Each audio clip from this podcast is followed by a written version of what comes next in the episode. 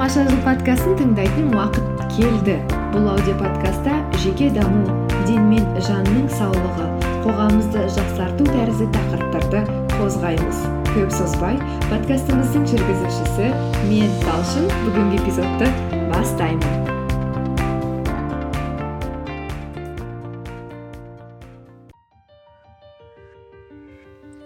Әжем туралы соңғы рет о дүниеге қайтқан күні жазыппын. Бәрі кездейсоқтық болатын. Мектепте әже туралы шығарма жазуға берілген.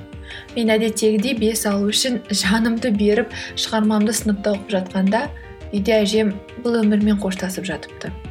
Үйге келгенде сенбедім. Содан кейін ондай шығарма жазуға қатты қорқатынмын. Маған үйге барғанда әжеңе оқып бер деді. Ал мен үйге келген кезде ол болмады. Әсіресе оның өмірінің соңғы жылдарында жанында көбірек болмағаныма өкіндім. Себебі маған далада доп қуып ойнаған көбірек қызықты болатын. Ол дүниеден қайтқан күні түсімде мен оны көрдім. Ол маған қарамай қойды. Сөйтіп біраз жылдар бұл түс мені ойландырып жүрді.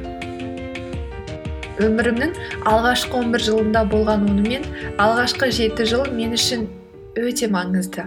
Себебі мен онымен тығыз үлкен байланыста болдым. Менің көп әдеттерім мен басымның ішіндегі баптаулардың қайдан келгенін кейін ғана түсіндім. Тек кейін ғана біздерге дейл карнеги робин шарма дегендердің ешқайсысы жаңа әлем ашпағанын өзіміздің үлкендерімізден де он алуға болатынын түсіндім.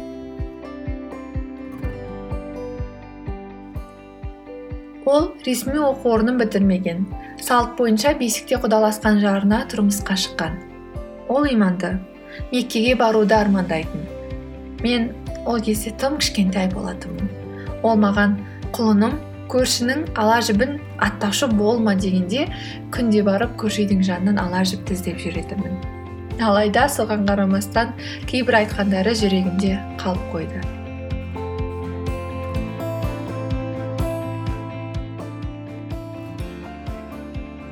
Әжем күнде ұйықтар алдында күбірлеп бір нәрсе айтып жататын. Мен не айтып жатырсың? деп мазасын алатынмын сөйтсем ол бүгінгі күнге шүкіршілік айтатын. Күннің қандай тамаша болғанын ертеңгі күннің де тыныш бейбіт болуын тілейтін. Әр күні еш кідіріссіз дәл тамақ ішкен тәрізді міндетті ритуал. Сөйтіп мен де қосылдым. Содан болар кішкентай кезімдегі көп оқиғалар есімде қалып қойған. Себебі әр түні таң атқаннан бастап болған барлық оқиғаны бір рет көзімізге елестетіп рахмет айтып тәтті ұйқыға бататынбыз. Кейін әжем қайтқаннан кейін кішкентай сіңілім не істеп жатырсың? деп сұрайтын. Ал жауап біреу ғана. Барыңа қуану шүкіршілік ету қолда барыңмен алға жылжу ертеңгі күннің де жарқындығына сену.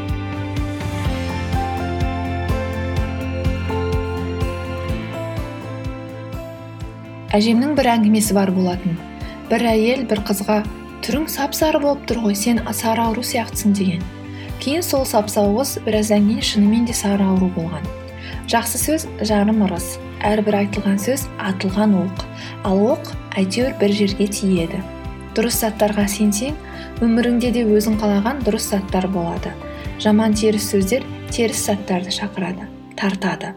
Әжем қалың қалай деген сұраққа қаншалықты ауырып тұрса да жақсы болып қалдым дер еді.